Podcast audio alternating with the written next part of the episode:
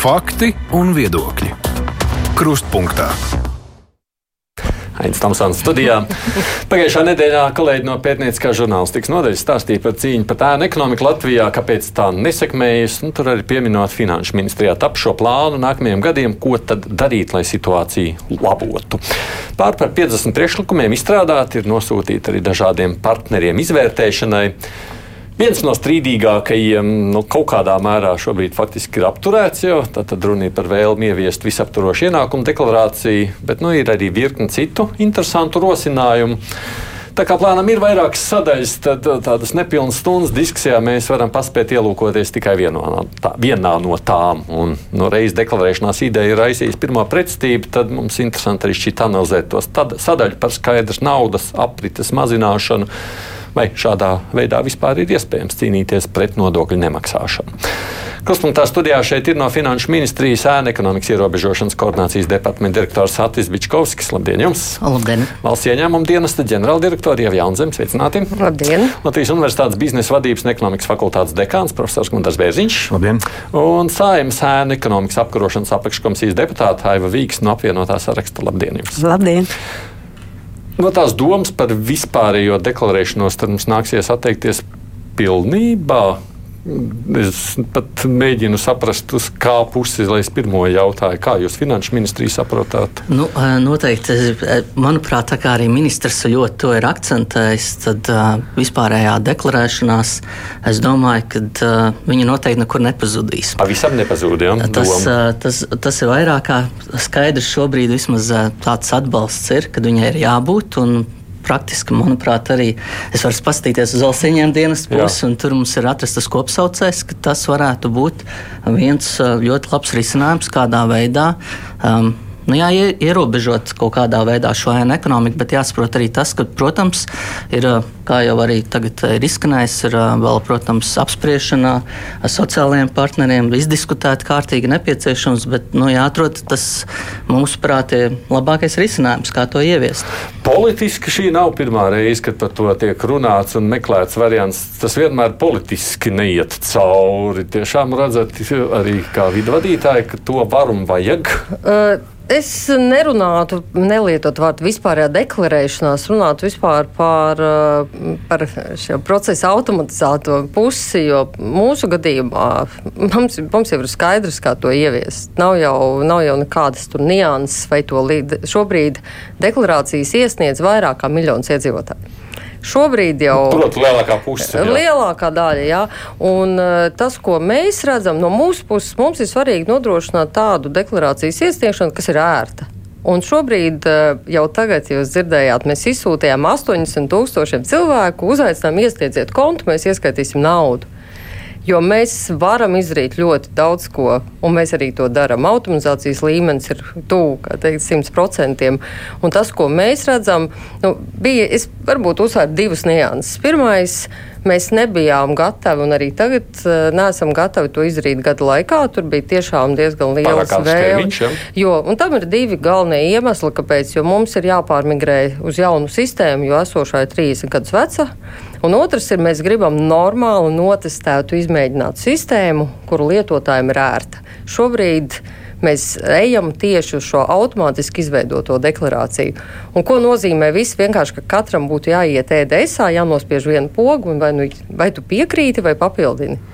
Mm. Tā kā šajā gadījumā no mūsu puses Ieviešanas process ir tikai un vienīgi automatizācija. Nekā cita nav, jo mēs nesagaidām, mēs nevēlamies redzēt un negribam, un nebūs vairāk tā papīra deklarācijas, kuras mēs izskatītu. Nē, tas ir te automatizācija. Tagad, te tagad, lai mēs precizētu mūsu klausītājiem plānā, tas, ko es tādu pieminēju, finanšu ministrijas plāns vispār ir 25. gada decembra beigas, nu, proti, 26. gads, vai ne? Pareizi es saku. Tas, par ko runāju šobrīd un ko politiķi aptur, ir viens cits projekts, jau šī gada budžeta uh, paketes saistītais. Vai pareizi? Jā, tās ir divas dažādas lietas. Nu, ideja viena, bet. bet iz... Nē, gluži tā nav divas dažādas lietas, jo. Eh, nu, principā bija ideja paplašināt loku, Jā. jā, kas ir tikai runa par loku, jā, tad, vai tas ir miljons vai tas ir miljons vai vairāk. Un otra lieta bija zināmi uzlabojumi. Tajā paketē. Un, nu, tas vienkārši saplūda tā viss kopā. Jā. Bet tā doma par 26. gadu kā iespējamu reāli joprojām jums šķiet. No izstrādes izdarāma. viedokļa, ja skatāmies no valsts ieņēmuma dienesta viedokļa, es ne, nesaku, ka tas garantēs ļoti daudz jaunus ienākumus. Tas uh, jautājums ir tikai un vienīgi par to, ka mums vienalga ir jāveic visi automatizācijas pasākumi. Mēs uz to ejam. Tas ir, vai mēs. Es to jautāju tādā ziņā, jūs teicāt, ka nu, šis būtu par ātru ar to budžeta paketu, ko te virzīja 26. gads. Jūs būtu teikt reāli. Uh, Viss ir atkarīgs no tā, cik daudz ir jāmaina. Šobrīd divi gadi. Mēs redzam, ka divi gadi ir normāli. Gada laikā nevar. Divi gadi Divi ir normāli. normāli. Būtu normāli. Ideja pati kā tāda, Bēziņa kungs, vispirms. Es saku, nav pirmā reize, kad mēs runājam par vispārēju deklarēšanu. Ne, nu, kopumā šāda pieeja pasaulē ir nu, normāla pieeja, ka -hmm. cilvēki deklarē savus ieņēmumus.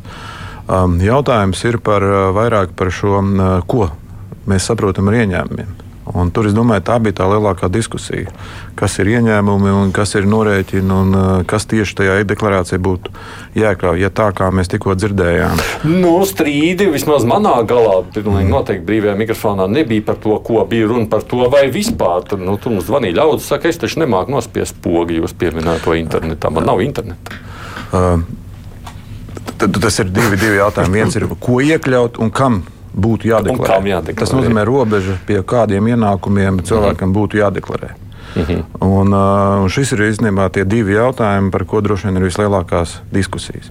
Un, uh, kāpēc viņi ir svarīgi? Pirmkārt, uh, cik lielu laika patēriņu tas prasīs katram cilvēkam. Ja tas tiešām prasa desmit minūtes, tas ir viens jautājums. Pogas nospiešana vēl Jā, ja īsāk. mums prasa d- ievadīt ie, visa veida informāciju, ko es esmu darījis, ar ko, cik reizes bijis, piemēram, pusdienās un maksājis par lielāku summu nekā, piemēram, 100 eiro, tad varēs ievērojami lielāku laiku. Bet padomājiet, ja mums apmēram tas attiektos uz 1 200 cilvēkiem, nu pieņemsim. Ā, Uz ko tas attiektos, ā, šī deklarēšana Latvijā? Tas nozīmē, to, ka viņam vismaz viena stunda jāpatērē šim darbam. Mēs pēc būtības tas nozīmē, ka 1 200 stundas cilvēki Latvijā nodarbosies ar šo lietu. Nu, es tagad ir no Nu, jā. racionāla viedokļa. Ja mēs vērtējam, ka viena cilvēka stunda vismaz 10 eiro maksā, tas ir, padomājiet, eh, tas ir 12 miljoni. Tikai cilvēku stundās, ko mēs patērējam. Šajā plānā ir ierakstīts, ka ieņēmumi, ko mēs potenciāli varētu gūt, ir 7 miljoni. Bet vai es tad pareizi saku, tagad vēlreiz atgriežoties pie tā ideja kā tāda, ka vajadzētu paplašināt deklarēšanas, ā, deklarāciju iesniegšanas loku? Ir pareiza vai Nē, nav? vi- Viņam loks ir atkarīgs no ieņēmuma summas. Jā, Un- bet, bet skatoties no esošās un ar piedāvājumu, jūsu verdikts. Pie, tik zemiem ienākumu līmeņiem nebūtu jābūt vispār. Cilvēks, teiksim, ja viņš saka, ka man nav bijuši šāda veida ienākumi, vai viņu nav, nu, reāli viņam nav vismaz 30, 40 tūkstoši gadā ienākumu, tad tā deklarēšana neko nedos. Nepareizs slieksnis. Slieksnis. Nepareizs slieksnis. Vīksnes kundze. Um, mm, šis um, ienākuma deklarēšana bija i- i- ēnu ekonomikas apkarošanas plāna ietvarā. Jā. Sāksim vispirms ar to. Tad, ko mēs vēlamies? Kas ir mērķis? Jā. Apkarot ēnu ekonomiku. Mūsu valdības um, preambulā rakstīts, Latvijā pats svarīgākais ir vērtība ir cilvēks. Ā, Šobrīd vai, vai šī ienākumu visaptverošā deklarēšanās ir tā, kas apkaros ēnu ekonomiku. Ko mēs gribam pateikt? Mēs gribam pateikt, godīgie cilvēki, kas strādā, maksā nodokļus, mēs vēl viņus tracinam un vēl. Piedodiet, pat, pat 100 eiro krustbērnam dāvanu liekam vēl uh, pildīt deklarācijas. Man šķiet, ka šis ir aizgājis pilnīgi atšķirīgi aplami. No ēnu ekonomikas apkarošanas mēs ejam uh, uz cilvēkiem, kas ir jau godīgi un maksā nodokļus. Vēl jau vairāk, ja mēs aizskarsim kaut vai pensionārus, kuri samaksājuši nodokļus un saņem pensiju. Un es nedomāju, ka pensija 500 eiro ir liela pensija pie šodienas inflācijas un dārdzības. Tāpēc arī šodien pašlaik atliktais man šķiet, ka mēs, nepa, mēs vispār saliekam nepareizi akcentus uz lietām un problēmu, ko mēs gribam risināt. Ne jau šī um, obligātā deklarēšanās ir ēna ekonomikas apkūra. Runājam par tur, kur tās ēnas ir un kā to darīt. Vai ide, tad jūs esat vispār pret domu, ka vajadzētu šādu? Es at, jūs pareizi minējāt sākumā. Es atceros, kad es vēl biju darba devēja konfederācijas viceprezidents, un šie jautājumi arī tajā laikā virmoja par um, ēnu apka ēnu apkarošanas arī vienā ietvarā atkal bija šī deklarēšanas. Mēs tieši pie to nonācām. Ir tādas ļoti daudz, arī, arī Ieva Jaunzem varēs teikt, ir ļoti daudz IT sistēmā informācijas. Ir tik daudz pieejamas informācijas par mums katriem. Tas jautājums, kā mēs to jau tagad izmantojam, kā mēs ar viņu strādājam. Vai tiešām ir vajadzīgs vēl kaut kāds Mēs runājam par birokrātijas samazināšanu. Protams, par to mēs parunāsim, bet tā tad, ja mēs sakām tā, ja, ja celtu sliekšņus, kā saka Bērziņkungs, un, un ja precizētu arī taisnību, un ja mēs lietotu tā, kā saka Jaunzemes kundze, noklakšķina tikai apliecina, ka tie ir tiešām tavi ienākumi, arī pret to būtu iebildes jēgu neredzēt. Man šķiet, ne pat tagad e, obligāti iebilst. Drīzāk ir tas jautājums, kur arī es sapratu arī no darbdevēja konfederācijas un sadarbības partneriem, bija vispirms varbūt vajag to inventarizāciju. Tik daudz informācijas, kādas informācijas tad mums pietrūks. Sāksim bet, ar to. Bet, sakot, šis nav tas svarīgākais. Šī es nav uzskatu, tā jā. būtiskākā jēga par to jēgas būtību. Es varu pateikt no administrēšanas viedokļa, kur ir jēga, jēga šajā visā pasākumā, kur kas trūks šobrīd. Tieši tas apliecinājums, jā, šie bija mani vienīgie ienākumi. Jo šobrīd, tad, kad mēs izmantojam visu savu zinātību, uzrunājam nodokļu maksātāju un sakām, ka tu īsti tavi dzīves ieradumi neatbilst taviem ienākumiem, tad eh, šobrīd eh, mums ir problēma ar to, ka cilvēks nekad nav apliecinājis. Jo viss saka, jā, bija nulles deklarācija pirms desmit gadiem, tas jau bija sen. Un tajā brīdī mums rodas tas. Jūs vienākums... jautājums, cilvēks saka, tā nav tā daļa. Jā, tā nav tā daļa, un tu pierādi pats. Un administratīvais jā. process nosaka, ka man ir jāiet un jāpierāda. Tas ir ļoti darbietilpīgi, tas ir ļoti dārgi, tas ir vēl dārgāk nekā Vērzīga kungs teica. Un mēs vienkārši vēlamies to atskaites punktu te tu esi pateicis, jā, šitie bija mani ienākumi, bet te tev draugs ir šitādi ienākumi. Kā tad mēs to saliekam kopā?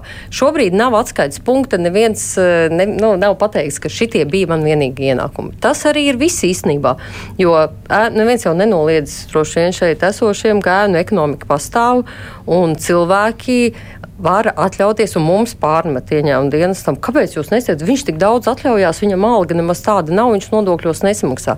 Tāpēc es teiktu tā, ka te ir jāskatās bišķīt vairāk arī citi pasākumi. Mēs, teiksim, grasamies publicēt arī mēneša maksājumus uzņēmumiem, cik kurš ir maksājis. Ja? Tur ir vairāki tie pasākumi. Sakot, protams, šis nav vienīgais. Jā. Vai finanšu ministrija tāda, nu, kā jūs sakāt, nerokam pavisam nostrādājam pie domas tālāk? Nu, pieminētais Bērziņkungs sacītais gan par sliekšņiem, gan par nosacījumiem, kam. Eh, jā, paldies par jautājumu. Jā, nu, klausoties arī šo diskusiju, viennozīmīgi tā, arī no ēnu plāna eh, šiem ierobežošanas pasākumiem, kas ir norādīti, eh, tas tāda detalizētības pakāpe plānā nav norādīta. Nav plānā norādīts sliekšņi. Un, līdz ar to arī es gribētu teikt, ka šobrīd tas ir atvērts jautājums visai sabiedrībai diskutēt un izrunāt. Un, tieši arī es gribētu pieminēt arī Jaunzemes kundzes nu, pat teikt to, kāds ir mērķis. Mērķis jau nav uzlikt kaut kādu papildu slogu uh, sabiedrības daļai. Mērķis ir uh, tieši tā kā Jaunzem teica, tātad saprast, uh, lai būtu kaut kāds atskaites punkts, no kā savā veidā.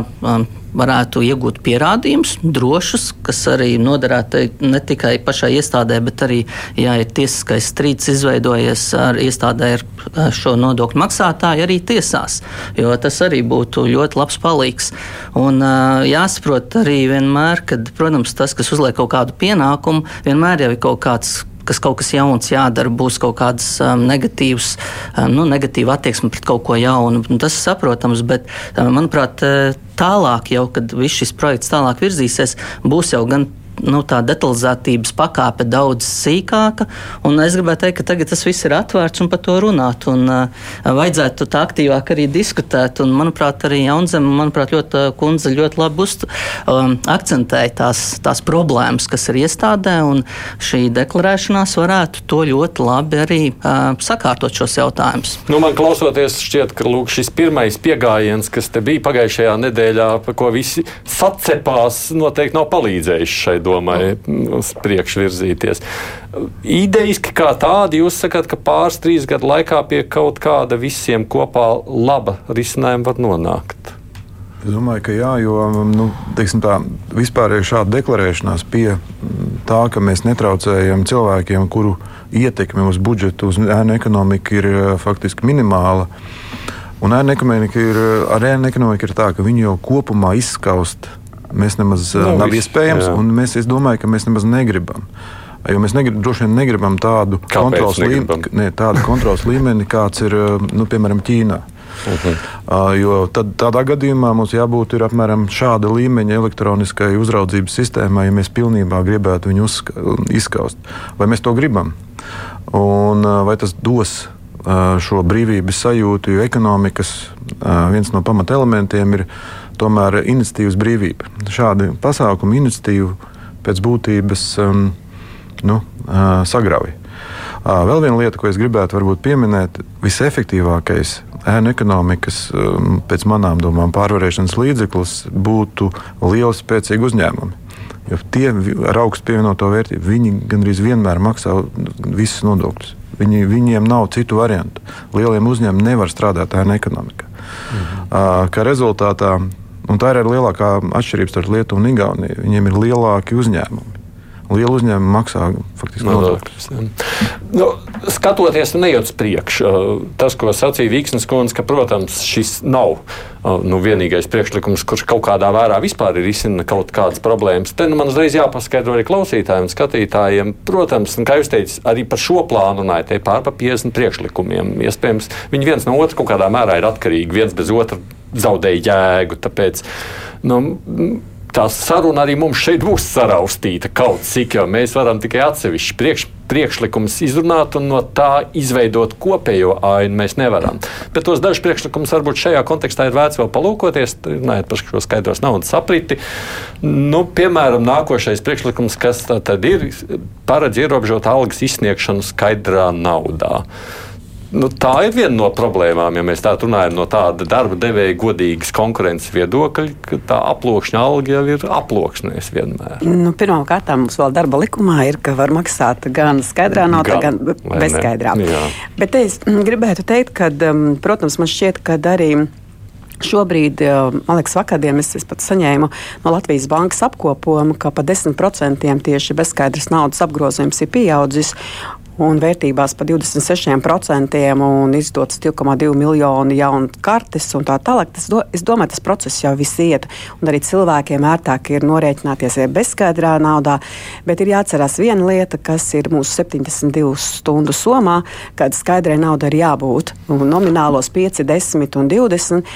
Tas nozīmē to, ka kaut kādā veidā, kaut kādai skaidrai naudai, nu, kaut vai piemēram izdzīves, aizējām veikalā un, teiksim, pazūd elektrība un elektroniskās sistēmas, un maizīte ir.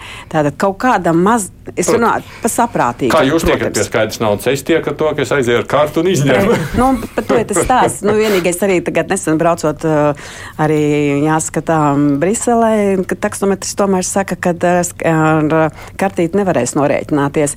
Un ekonomika jau visur arī ir. Bet man liekas, teikt, jābūt šim samērīgumam. Es arī lasīju ministru kabineta saskaņošanā šobrīd iet arī mūsu sociālie partneri un sadarbības organizācijas jau arī runāja, kad ir atbalstām, bet nu, tas samērīgums, ka tagad nevis tikai bez skaidra nav. Nē, tas ir skaidrs. Arī šajos plānos nekur, protams, neparādās to, ka mēs vispār likvidējam mm, naudu skaidrā uh, izmantošanu. Tas nu ir saprotams. Bet ideja kā tāda vairāk mēģināt vispār ierobežot šo algas izsniegšanu skaidrā naudā.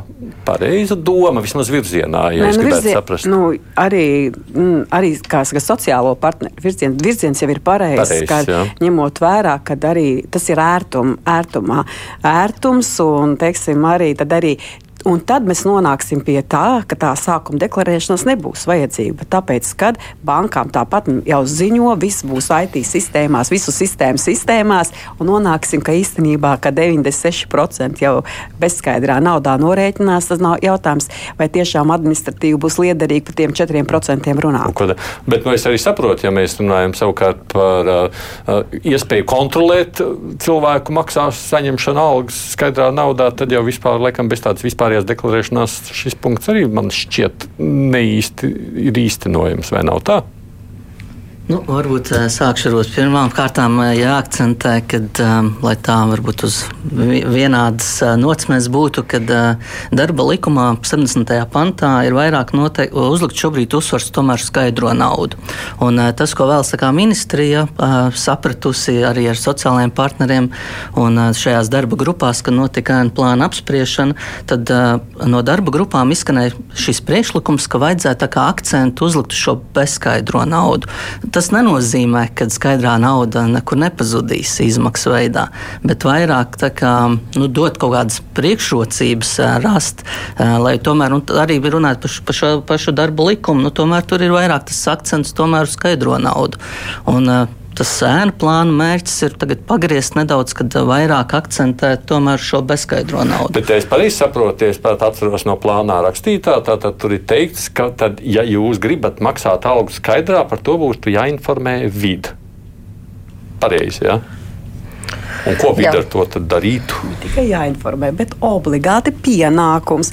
Tad, kad jautājām par birokrātiju, vai nepalielinās birokrātiju? Nu, jā, jā, ko es, tas ir jautājums. Nu, jums tur viss stādīt, mēs maksājam skaidrā naudā. Tā, es gribu teikt, varbūt izklausīsies dīvaini, bet principā, ja vienu dienu notiktu tas lūzums tajā sabiedrības apziņā, jā, un tā, ček, tā skaidrā nauda vai ar visu tās nebūšanas kļūtu par izņēmumu tad visiem dzīve kļūtu daudz lētāka, jo nekas nav dārgāks par šī plāna ieviešanu. Es varu pateikt tikai viennozīmīgi. Man Austrālijas kolēģi saka, zina, man vispār ļoti maz darba, man 93% brīvprātīgā nomaksa, man vispār ir ļoti maz ko darīt. Ja?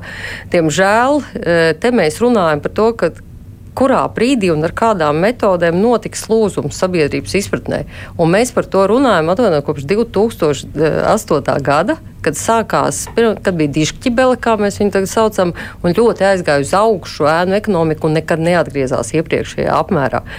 Un tas ir vairāk, nu, izklausās bieži runā par šo sociālo līgumu, jā, bet šajā gadījumā mēs tērējam milzīgi daudz resursu tam, lai mēs būtu normāla valsts. Normāla, tāda, kurā maksā nodokļus. Igauni ir paziņojuši, ka viņiem ir 92% brīvprātīgās nomaksas. Mums ir labi, ka 70%. Un te mēs, par ko mēs runājam, tāpēc par to visu kontrolēšanu.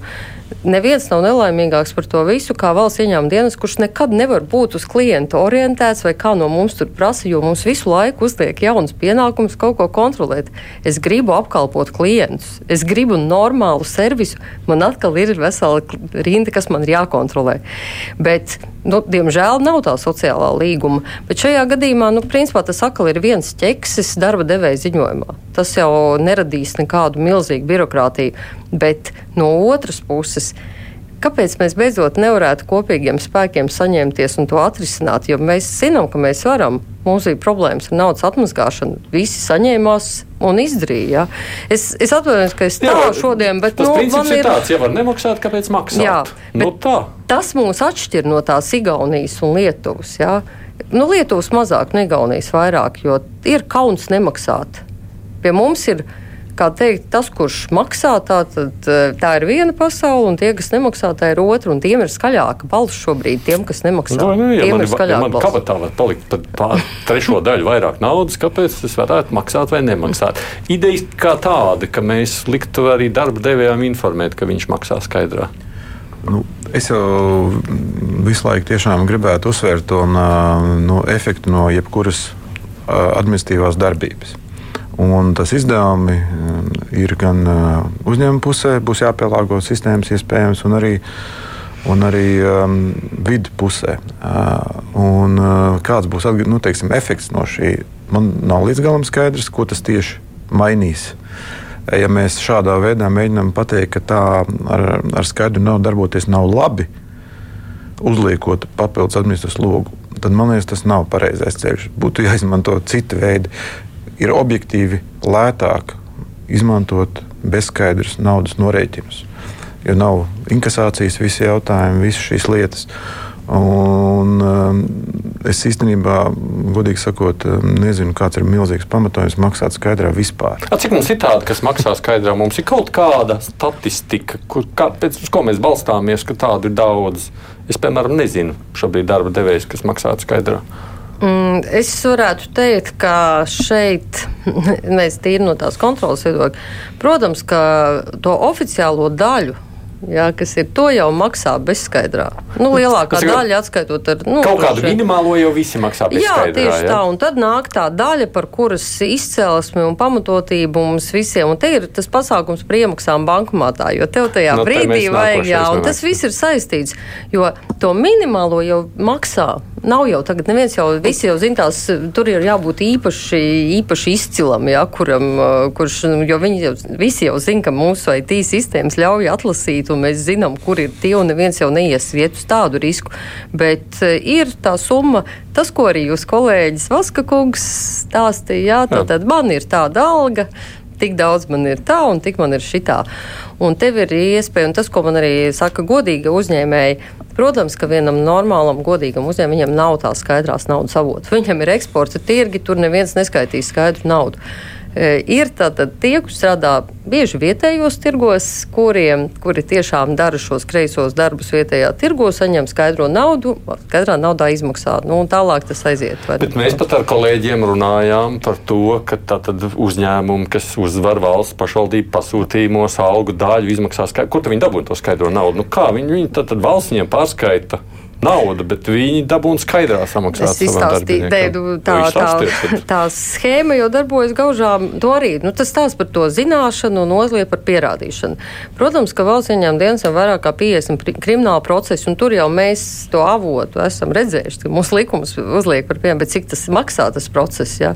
Tā tad, jā, tie ir privātie pasūtījumi, no kuriem tiek saņemta nauda skaidrā. Paralēli valsts Jā, un pasūtījumiem. tie ir vienkārši tiek salikti vienā kaudzē, un pēc tam Ok. okay. pēc saraksta izmaksāti.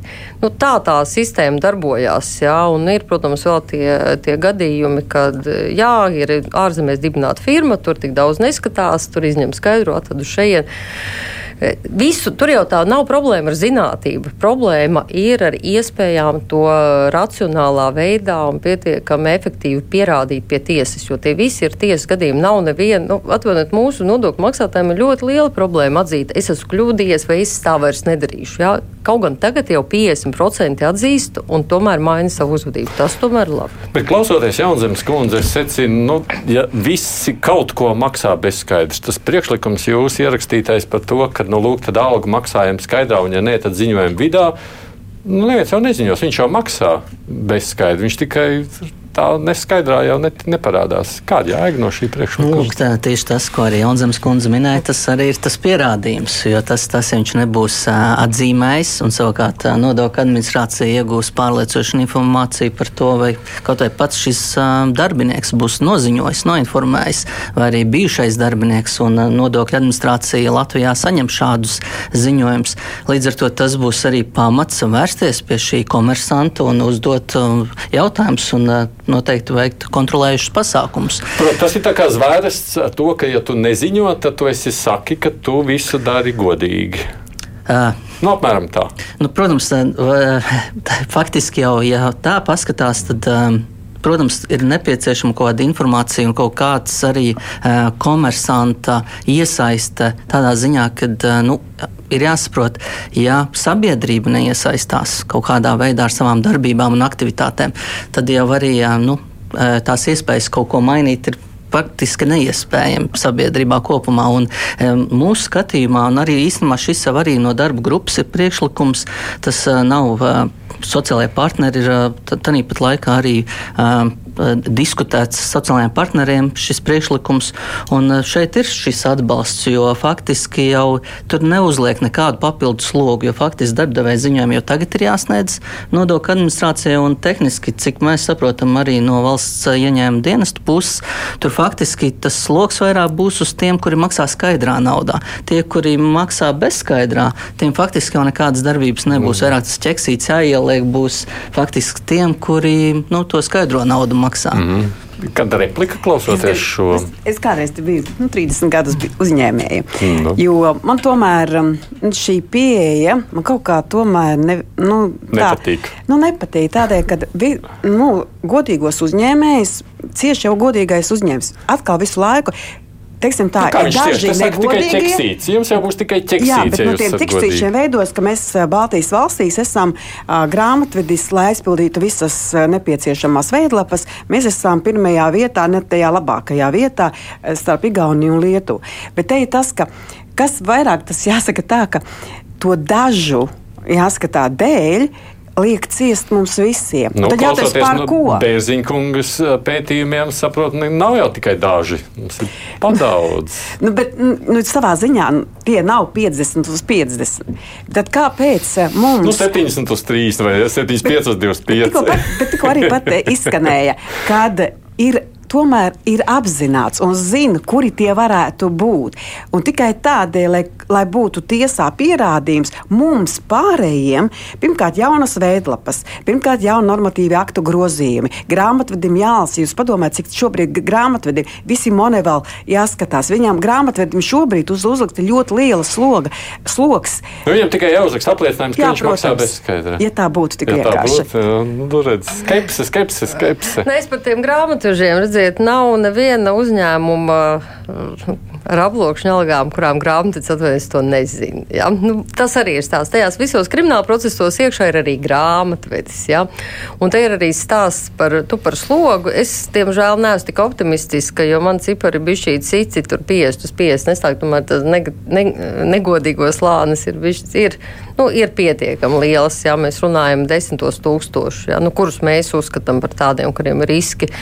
Bet es varu teikt, ka mēs mēs cenšamies, nu, teiksim tā, neviens nenoliedz uh, problēmas esamību, tiek meklēti risinājumi. Vēlreiz saku, no 2012. gada mēs meklējam risinājumus, un visu laiku viņi neskatās, viss ir slikti. Bet neskapēc, nu, nu, tad, eh, kāpēc nevar arī nākt uzņēmēju organizācijas ar konkrētiem priekšlikumiem? Viņi ir nākuši, paldies, šoreiz bija četras darba grupas. Bet, ziniet, es kā liela optimista saku, tagad mēs vienu jau izsvītrojām. Es gribu redzēt pēc saskaņošanas, cik daudz no tā plāna būs palicis. Tā pa 50 būs varbūt viens. Jā, jā jo atkal mēs nonāksim pie absolūtas bezzobainības, bez pasākumiem, bez kādas jēgas, jo man ir radusies pārliecība, ka šo problēmu risināt vēlas tikai atsevišķi godīgi uzņēmēji, kuriem tiešām rūp tā konkurētspēja, bet viena daļa, kuriem tas ir jau darbības modelis iesakņojies, viņus tas pilnīgi neinteresē. Un es saku, viņiem šobrīd ir ļoti skaļa balss. Tāpēc, tāpēc es gribu būt es par godīgu konkurenci, ja, un es gribu, lai visiem ir iespēja valsts iepirkumā un pašvaldības iepirkumā, ne tikai tiem, kuriem ir atvainoja daļa aploksā. Un tāpēc šeit ir runa par reitingiem. Tāpēc šeit ir ļoti būtiska runa nu, par reitingiem. Reitingus es šoreiz nepaņemšu. Es atgādināšu klausītājiem, kas mums piedalās. Jau Jaunzemi no valsts ieņēmuma dienas vadītāja, Bičkovskis no Finanšu ministrijas, Gundars Bērziņš, Latvijas universitātes profesors un no Saimnes ēna ekonomikas apkarošanas apakškomisijas Aiva Vīksna. Raidījums Krustpunktā. Bet, nu, Jaunzemes kundzes pieminētais vēl viens aspekts, kas tur parādās, tad uh, mazināt iespēju ier, ieskaitīt naudu bankomātos, skaidro naudu, kur tev ir tavos makās. Un tur bija minimālā alga šajā reizē mēnesī, ja 700 eiro, piemēram, būtu no jaunās. Vismaz tā plānā ir rakstīts, ja, tad, tad, ja vairāk par minimālo algu mēnesī tu ieskaiti bankomātā, vairāk par 700 eiro, nu, tad ir jāziņo bankai. Um, kā valsts ieņemtdienestam, ja? nu, kādam no uzraudzības iestādēm. Nu, par šo priekšlikumu savukārt, no kā tas nāk? Tas ir kopā ar šo skaidros naudas deklarēšanos, Biškovs. Jā, tā tad arī, kā jau iepriekš, arī par visiem šiem pasākumiem, visi šie priekšlikumi nāk no šīm darba grupām par kuri arī aktīvi tika izdiskutēts. Tiešām šie visi priekšlikumi, kas ir ierakstīti arī plānā, tā tad ir izrietējuši no tā izdiskutētā, ko paši piedāvājuši gan ministriju pārstāvi, gan sociālie partneri. Un, tāpēc arī tās diskusijas jau ir bijušas par šiem plāniem. Nu, attiecībā par šo, šo skaidrās naudas uh, iemaksas liekšņā deklarācijas ziņošanu, kas ir uh, bankomātos. Nu, šeit jau jāpiemina, savu veidu princips jau šobrīd pastāv, jo bankas uh, īsteno šo principu pazīst savu klientu, ja nemaldos. Un, faktiski arī šobrīd, nu, protams, tur ir stāsts par citu varbūt summas amplitūdu, bet par ko tiek ziņots arī tātad nil likuma tātad izpratnē un tā tālāk. Bet šeit, šajā gadījumā, nu, arī tas ir tas mērķis tikai viens, nu, lai ierobežotu savā veidā, kaut kādā veidā, lai būtu tā informācija par šo skaidrs naudas nu, apritī, lai saprastu, kur tiešām tad cilvēks tātad spēja iemaksāt uh, lielas naudas summas uh, bankomātos, tad uh, savukārt uh, nodokļu administrācijas rīcībā ir uh, informācija, ka uh, viņam nav pretī tādi legāli ienākumi, alga nu, neatbilstoši tam, ko viņš spēja iemaksāt. Es, un, tad arī gūt šo informāciju jā. par to. Jo savādāk arī nu, sanāk tā, ka tas ir šobrīd tāds nezināmais nu, sektors zem radara, ja tā var izteikties. Man izņemot šodien naudu, bankomātā viens blakus stāvēja un skaitīja tur 50, 50, 50, 50. Man interesanti, cik viņam tur tie 50, kurš viņš lika iekšā tajā kortā. Nu, es nobrīnījos. Es teiktu, šis ir, šis ir pareizā pieeja. Pareizā pieeja. Šī, es domāju, ka ir kā reiz pareizā pieeja, jo mēs skatāmies nevis liekam jaunus administratīvos slogus iedzīvotājiem, vai nu deklarēties, vai nu kaut kādu ziņojumu rakstīt, bet mēs veidojam šo risku novēršanas sistēmu. Un tas ir, es domāju, šī ir tā, tā loģika kā vispār būtu šim jautājumam jāpiet. Mēs identificējam riskus un tad strādājam tikai ar tiem riskantiem variantiem. Neapgrūtinot uzņēmējus, neapgrūtinot iedzīvotājus, bet šis ir viens riska elements, pilnīgi skaidrs. Un, ja ir skaidri, skaidri teiksim, automatizēti riska identificēšanas rīki, un es saprotu, ka tāda ir, tad šāda veida savukārt darbības ir kā reize nodrošinās to, ka mēs risināsim problēmu Mm. Nevis vi, visus iesaistīt vienas problēmas risināšanā, bet risināt problēmu, kur viņi faktiski arī ir. Un es domāju, ka konceptuāli šī ir daudz pareizāka pieeja. Jo, kā jau teicu, visās valstīs, ja mēs skatāmies tos ēnu ekonomikas aprēķinus, gan visās valstīs ir kaut kāda daļa ēnu ekonomikas lielāka vai mazāka. Tur Igaunijā tur 16%. Tur 10% labāk, labākajās valsts skandināvijas prātā. Visi saka, nu, ja tu kaimiņam samaksā par to, ka viņš tev šodien palīdzēja, palīdzēja salabot sētu, nu, pieņemsim, tad mēs to, nu, tas nav tas, ko mēs gribam noķert. Es tā mm -hmm. pieņemu. Mm -hmm. Mēs gribam noķert tos, kas to dara sistemātiski, un tāpēc ir šī riska identificēšanas sistēma. Vīksnes kundze, ko jūs sakāt par šo? Uh, par šo es uh, piekrītu uh, Bērziņa kungam, mm. ka te ir tas, ir tas jautājums par kādiem. Ja, um, ēnu apkarošanā, par kādiem instrumentiem mēs runājam. Šis ir viens, un arī, cik es lasīju, arī liekas, Finanšu ministrijas šajā mājaslapā sociālajie partneri ir atbalstoši šim tieši tādēļ, ka neiesaistot un ne, neapgrūtinot pārējos. Tad nu, bankā var... būs problēmas, tas jā, jāziņo tik līdz pār nodokļu pamatnostāžu darba grupā, kas bija pie Finanšu ministrijas, Latvijas banka jau ziņoja, ka cik pat skaitļos zināja, cik ir iemaksājuši caur bankomātiem, tā kā informācija ir, un tā informācija jau bankas sniedz. Es gan ne, nezinu no galvas, cik tas slieksnis ir. Bet jau sniedz, jebkurā gadījumā diskusija par slieksni, bet jebkurā gadījumā šāda veida priekšlikumi ir atbalstāmāki, konceptuāli atbalstāmāki nekā iepriekšējais, ko mēs skatījām. Un ko jūs darīsiet ar to informāciju, ka jums sasūtīs visas 700 plus? Nē, nu, jau šobrīd eh, mēs runājam par nākotni, mēs runājam par šodienu. Jā. Šodien jau mēs to darām. Tad, tad mums ir pietiekami daudz zinātības un šo algoritmu, pēc kuriem mēs veidojam šo sarakstu riskantajām personām. Bet tad, ja mēs runājam par uzņēmumiem, sakal par reitingiem, tad, tad tur jau ir skaidrs, juridiskām personām ir skaidrs sadalījums. Jau ar 1. janvāri būs publisks, varēs redzēt, kurš kāds ir attiecībā uz fiziskām personām. Mums nav tik skaidra redzējuma par tipoloģijām, mm. bet mums ir iespēja iespēju, un to mēs arī darām. Mēs sasaistām fiziskās, juridiskām personām un pēc dažādiem riskiem arī gatavojam šo sarakstu ar juridisk, eh, fiziskām personām.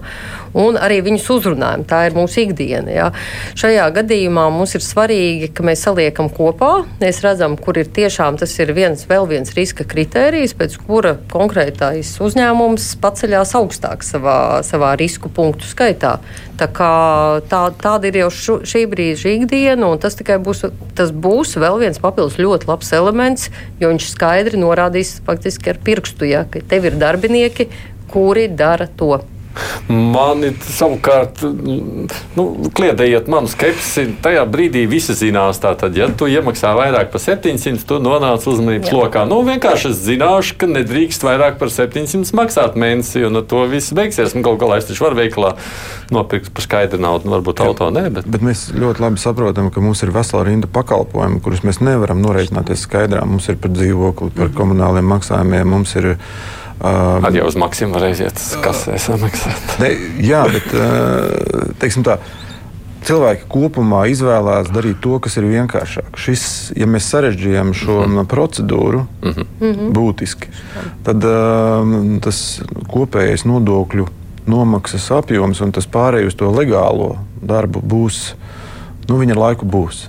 Nu, Protams, vai es pareizi sapratu no jūsu sacītā, ka tajā brīdī, ja es iemaksāju 700, plus, tad vairāk uzmanību pievērsīs nevis tik daudz man, cik tam darba devējam, pie kā es strādāju? E, arī jau šobrīd tādas notiek. Mēs Aha. vienīgais ir tas, atkal atgriezīšos pie pierādījumiem. Jā, mums parasti nonāk uz radara tikai, protams, ir fiziskās personas, kuras ir turīgas pašas par sevi, jā, bet lielākā daļa, nonāk uz radara tieši kopā ar darba devēju. Un tad jau nākošais ir šis darba devējs kur mēs. Okay. Nu, vēl viens interesants priekšlikums, kas man likās, un es mēģināju sākumā iedziļināties, un līdz galam uzreiz sapratu, jums būs jāpaskaidro. Ieviest aploksņu algu rēķinu. Kas tas būtu? Es tā izdrukāju, ko tas nozīmē, vai ne. Man liekas, ka te nu būtu vidam jāpaskaidro. Vairāk. Jā, tā bija tā, tā ir tāda ideja, kuru mēs kopā ar sociālajiem partneriem divus gadus strādājām pie kuras, mm -hmm. ka tā tad jā, algas ir mazākas kā 80% no nozares vidējā, tad, eh, ja nav racionāla paskaidrojuma no uzņēmēja puses, kāpēc viņam tieši strādā tāda vai cita darbinieka, tajā brīdī tiek izrakstīts šis papildus eh, nodokļu maksātājs. Tas prezumtīvais rēķins. Jā, nu, neesam jau mēs vieni tādi, kas to dara. To dara gan Vācijā, gan arī citās valstīs. Un, eh, jā, tas jau aizgāja līdz saimai, Vīksnes kundze labi zina. Nu, izrādījās, nē, nav labi. Jā. Pat nebija diskusijas par to, labi, nerunājām par 80%, runājām par zemāku slieksni. Tas nozīmē to, ka tā tad e, ir uzņēmumi, kuros neskādēļ būvnieks, nu, kuram mēs zinām, alga ir nu, pat e, vienošanās 930, bet normāli viņi saņem krietni virs tūkstoši. Tas ir uzņēmumi, kurš strādā pa 400. Un, eh, un tajā brīdī nu, mēs bijām, jo bija ļoti, bija sociālo partneru atbalsts. Tiešām mēs divu gadu laikā izstrādājām, pēkšņi mēs palikām vieni, jo izrādās, ka nav tādas problēmas. Un tāpēc šobrīd mēs pie tā atgriežamies, jo tas eh, prezumtīvais rēķins ir lieta, ko praktizē nodokļu administrācijas un Protams, viņš netiktu piemērots uh, vēlreiz par reitingiem A kategorijas uzņēmumiem, bet tiem, kuriem ir būtiskas novirzes no vidējām algām nozarē, šis prezumtīvais rēķins tiktu izrakstīts. Nu, Ko nozīmē prezumtīvs nu, rēķins? Tātad uh, uz aprēķiniem balstīts. Jau tagad ir, uh, ir nodokļi, kuriem arī, bet tur ir saruna pēc tam ar nodokļu maksātāju par to, vai ir kādi argumenti, ka ir savādāk. Tas ir vienkārši pieņēmums, ka tu neesi samaksājis, samaksājis pietiekumu summu. Jā. Un tev viņš būtu jā jāapmaksā tieši tāpēc, ka tādas aizdomas. Jā, vai arī jāsniedz paskaidrojums par to, jo kāpēc tieši tavā uzņēmumā, vai nu, tur ir izēja ar gaužām vienkārši, un šobrīd kāpēc arī saimnes komisija saprot, lai iestrādāsies reitingi, visi saņems savus rādījumus, kādi viņiem šobrīd ir, ir iespēja veikt korektīvās darbības jau šodien un tagad. Tam nav, tas nav jāgaida līdz rēķinam. Vīksnes kundze. Nu, jā, nu, es esmu tā sliktā, kas to nogrieza. Kas nogrieza? Nu, tad stāstiet. Um, te jau izskanēja. Pirmām kārtām mums diskusija bija. Um, mums pat neaizgājis um, pirmo lasījumu, bet tāpēc, ka vismaz jāizdiskutē arī sociālajie partneri iebilda šim, jo būtībā bija reģionālais aspekts. Vidējā nozara alga Rīga vai Latvijā mums bija vidējās algas, pirmkārt atšķiras. Mēs uzdevām arī jautājumu, kāpēc ir 80. Man piemēram šķiet 60 un 40. Kāp arī. Tad mums tā diskusija bija arī no tā, kāpēc tieši 80. Jautājums bija tāds, viņš nebija izdiskutēts, viņš nebija izrunāts līdz galam, jo tur pacēlās un arī piekrita ieņēmuma dienests reģionālais aspekts. Tāpat arī, piemēram, mēs, bija jāpilnveido klasifikatoru profesiju, jo, kā piemēram, jurists, ja, jo zem viena klasifikatora ir jau jurists ar pieredzi, kuram atalgojums būs vidējais, bet ir tikko atnācis praksē jurists 4. kursa. Viņam nebūs tāds pats atalgojums, bet profesijas klasifikatora kods ir vienāds, jo tur vēl mēs varētu veselu raidījumu par šo tēmu. Arvien sanāk, ka viņiem viņu uzreiz šis uzņēmums uh, gradēsies zem tā, ka saņems šos uh, nodokļu rēķinus. Bez tam pēc aprēķiniem arī anotācijā bija šādus nodokļu rēķinus saņemt uzreiz 30 tūkstoši uzņēmumu. Un tad mēs runājam par birokrātiskās slogas samazināšanu, par pierādīšanu. Tad vienmēr, ziniet, man tas tāds uh, laikam ir. Um, Uzņēmējiem vienmēr ir kā kamielim jāpierāda, ka viņš nav krāpies. Kāpēc mēs neskatām no otras puses? Mēs saprotam, ka visi uzņēmēji arī šajā gadījumā ir krāpnieks, zaglis vai kaut kas vēl tālāk, bet nevis no prioritātes no nevis to, ka viņš maksā nodokļus. Un arī šis 80, 20 tieši tādēļ reģionālais aspekts, un kāpēc ir 80, 20, nevis 40 un 60. Nu, pārējo gribu replikas dzirdēt, Bērziņkungs. Nu, es gribētu teikt, ka jāskatās ne tikai uz um, izdevumu daļu, jāskatās uz ieņēmumu daļu. Nu, no šajos uzņēmumos, nu, no tādas, vai vispār viņam ir iespējas maksāt. Un, uh, un, nu, parasti vienmēr, kad skaties uz uzņēmumu, tur būtu jāveic, ats, nevar at, atsūtīt šādus rēķinus, ir iespēja, ka viņi bankrotēs. Nu, ja viņam fiziski nav kontā naudas, Es, es godīgi sakot, eh, šo priekšlikumu es zināju, ka tāds eh, ir, bet uh, detalizēti es viņu neesmu analizējis. Bet uzreiz teikšu, ko mēs darīsim, ja tas uzņēmumam nebūs naudas, ko maksāt. Nu, viņš faktiski ir tajā brīdī, kad saņem šādu rēķinu, viņam jāsvēr. Es gan sapratu no Jānis Kundas, ka viņš var argumentēt, kāpēc viņam patiešām bet, ja viņam nav maza alga produktivitāte zema, mums ir ļoti zemes produktivitātes uzņēmumi. To mēs gan veicām pētījumus, un tā ir lielākā Latvijas ekonomikas problēma. Uzņēmumi ir ar zemu produktivitāti, biznesa modeļi neļauj viņiem, viņi nepelna tā, cik būtu jāpelna. Un ir milzīga liela izkliede starp produktīvākiem uzņēmumiem nozarē un neproduktīviem uzņēmumiem nozarē. Katrā nozarē ir ļoti produktīvi un ļoti neproduktīvi uzņēmumi. Un droši vien nu, tīri absolūti racionāli pasakot, nu jā, nu, lai tie neracionāli, nu, tie um, vāji uzņēmumi varēs ciet, un tad darbinieks sāk strādāt produktīvos, bet tās būs sekas tādā gadījumā.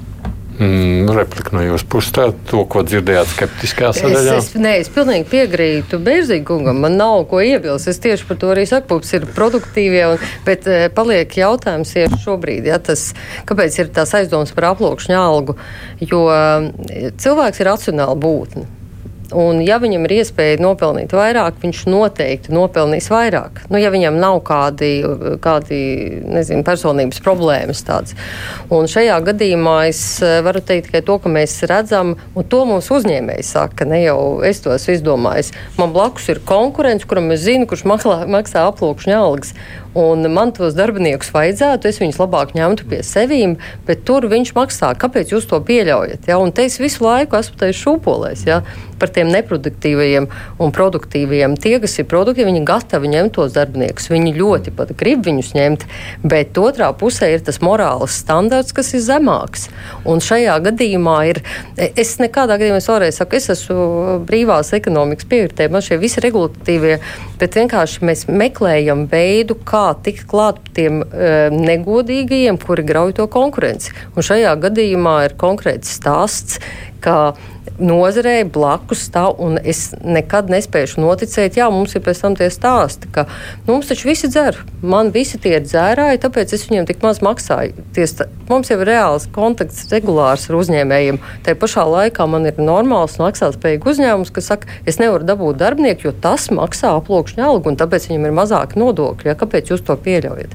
Tā kā šeit nav labas atbildes. Tāpēc arī šos vēlreiz šis prezumtīvais rēķins ir izdomāts arī citās valstīs, e, lai, lai būtu iespēja uzrunāt kādā veidā. Bet es piekrītu pilnīgi Bērziņkungam, jo mūsu uzņēmēja darbības struktūra, diemžēl, nav veselīga. Viņa nav veselīga, un e, es tiešām zinu brīnišķīgus, ļoti labus uzņēmumus, un es gribētu, lai viņiem ir priekšroka mūsu valsts iepirkumos visur pašvaldībā. Jo viņi, ir nodo, viņi spēj samaksāt tos nodokļus. Uh, šis bija arī viens no mūsu priekšlikumiem, ka, ka Latvijā ir jārada sistēma, kā atbalstīt nevis visus un tos, kas nevar, bet tieši produktīvos uzņēmumus, jo tie būs tie, kas varēs samaksāt mm. lielas algas, un tie būs tie, kas nodrošinās eksportspēju. Ja mēs šādu pieeju, pieeju veidotu, veidojot mūsu dažādas atbalsta programmas, uh, tad mums šis jautājums atrisināts pats par sevi. Nu, šis arī ir aspekts, ko es teicu, mēs šoreiz nepaspēsim pārunāt. Es vienkārši atzīstu, ka tas redzējums ir tik garš, cik ir, varbūt arī nevajag vienā reizē visu pārāk daudz salikt. Jūs, Viksnas kundze, sacījāt no tos argumentus, kāpēc nē. Plāns, protams, tikai paredz, ka tagad tā būs diskusija par šo priekšlikumu diskutējot par šo, jūs kaut kādu kompromisu redzat, ka tā ideja netiek norakta vispār, vai tiek norakta? Mm, e, tā kā es jau iepriekš minēju, ka mē, kāpēc arī mēs neaizlēdām uz pirmo lasījumu, mēs arī nolēmām, ka diskusijas arī nav bijis padziļināta ar sociālajiem partneriem, un te parādījās, un arī ieņem dienas mums tieši arī, arī piekrita pirmām kārtām par proporcijām, varbūt tas ir 70 un 30. Pieņemsim viens no Otris, diskusijas jautājumiem. Jā. Ir reģionālais aspekts aspekts, jo e, Latgalē tas būvnieks e, arī kvalitatīvs un nedzērāji. Tomēr atalgojums atšķiras kā Rīga. Kas ir žēl, protams, ka žēl, tā. bet tas ir visās valstīs. Tā arī ir uh, Brisele vai Lowen. Tas ir pilnīgi tas ir objektīvi. Un, šie, un jāsakārto, sāksim ar profesiju klasifikatoru sakārtošanu. Arī pie tā mēs nonācām. Jo tas jau nav tikai, redziet, tā kā mēs pašā raidījuma sākumā viens normatīvais akts, viņš jau paģēra arī citos. Mm -hmm. Un jāskata kompleksi. Mēs nedrīkstam no puzles izraut vienu gabaliņu un tagad to šmukstināt. Mums vajag paskatīties kopumā.